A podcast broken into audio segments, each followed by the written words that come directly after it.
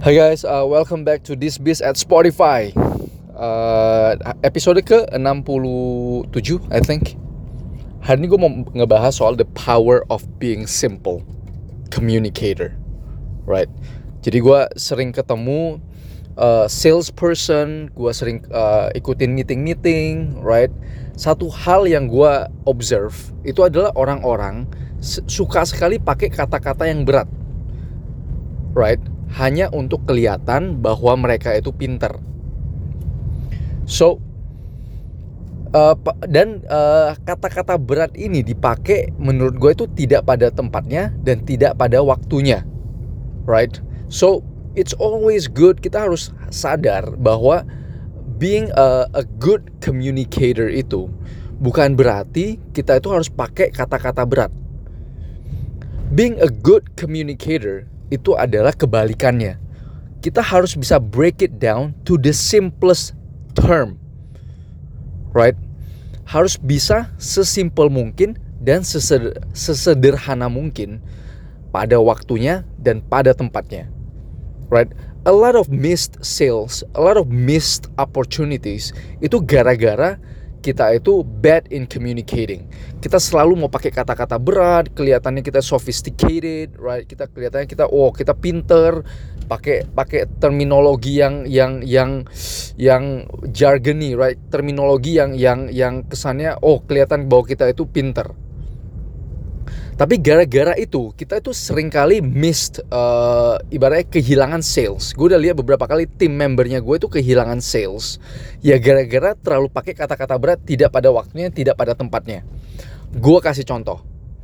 Ini uh, gue baru berhasil close sales. Uh, jadi tahun ini kita kita berhasil close beberapa sales di bidang wastewater treatment engineering project. Nah, ini yang gue observe. Teman-teman perhatiin, teman-teman dengar baik-baik ya uh, pada saat gue tawarin ke bos, halo pak, uh, jadi uh, untuk treatment project ini, uh, ini contoh yang pertama, oke? Okay? Uh, untuk treatment project, uh, untuk uh, design engineering untuk project A ini, uh, saya sarankan menggunakan activated sludge uh, dengan uh, MBBR, right? Membrane bio uh, film, uh, eh sorry, moving bed biofilm reactor, uh, sehingga kita bisa turunin COD dan BOD-nya sehingga kita masuk bisa masuk target discharge. Itu A. Right? Ini bos nggak tahu apa apa nah yang kedua gue pakai begini contoh yang kedua. Case yang sama. Oke pak. Jadi uh, limbah ini pada dasarnya itu ter, uh, terdiri dari beberapa uh, komponen. Total suspended solid yaitu serpihan-serpihan limbah yang dari industri uh, dari pabriknya bapak. Dan yang kedua limbah yang sudah terlarut di dalam uh, air limbahnya Bapak. Nah, caranya gimana untuk mengatasi limbah ini? Yang pertama, kita buang serpihan-serpihan itu, right? Jangan sampai ikutin uh, ke proses limbah ini supaya hanya yang masuk ke bakteri. Kita bakal pelihara bakteri nih, Pak right? Jadi yang masuk ke dalam kolam bakteri ini adalah limbah-limbah yang sudah terlarut sehingga bakteri itu bisa makan dan hasil eh, sisa-sisa makanan bakteri ini adalah air bersih. Right? Jadi pertama kita hilangin solid, right? Kita pisahin serpian-serpian itu dan yang kedua limbah yang sudah terlarut dalam air ini masuk ke kolam bakteri dan bakteri itu kita kasih angin, kasih oksigen segala macam dimakan. Nah, hasil makanan sisa dari bakteri itu itu udah menjadi air bersih yang boleh dibuang ke sungai. Right?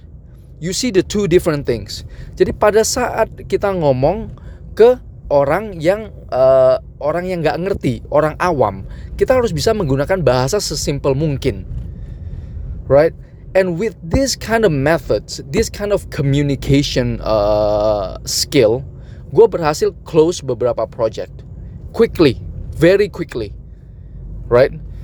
Jadi orang itu sadar orang-orang bos-bos itu bisa sadar kalau teman uh, kalau dia dengar nah kalau lu udah pakai kata-kata berat oh pak kita pakai activated slot kita pakai MBBR segala macam segala bosnya lah lu mau coba bodoh-bodohin gua dengan terminologi itu Nah, kalau gue datang dengan bahasa yang simple dan sederhana, right? Gue jelasin segala macam. That means gue coba untuk membantu si bos ini uh, mengerti at the same level, right? So you see the two different things. Gimana caranya kita bisa bisa becoming a good communicator. Always make it simple.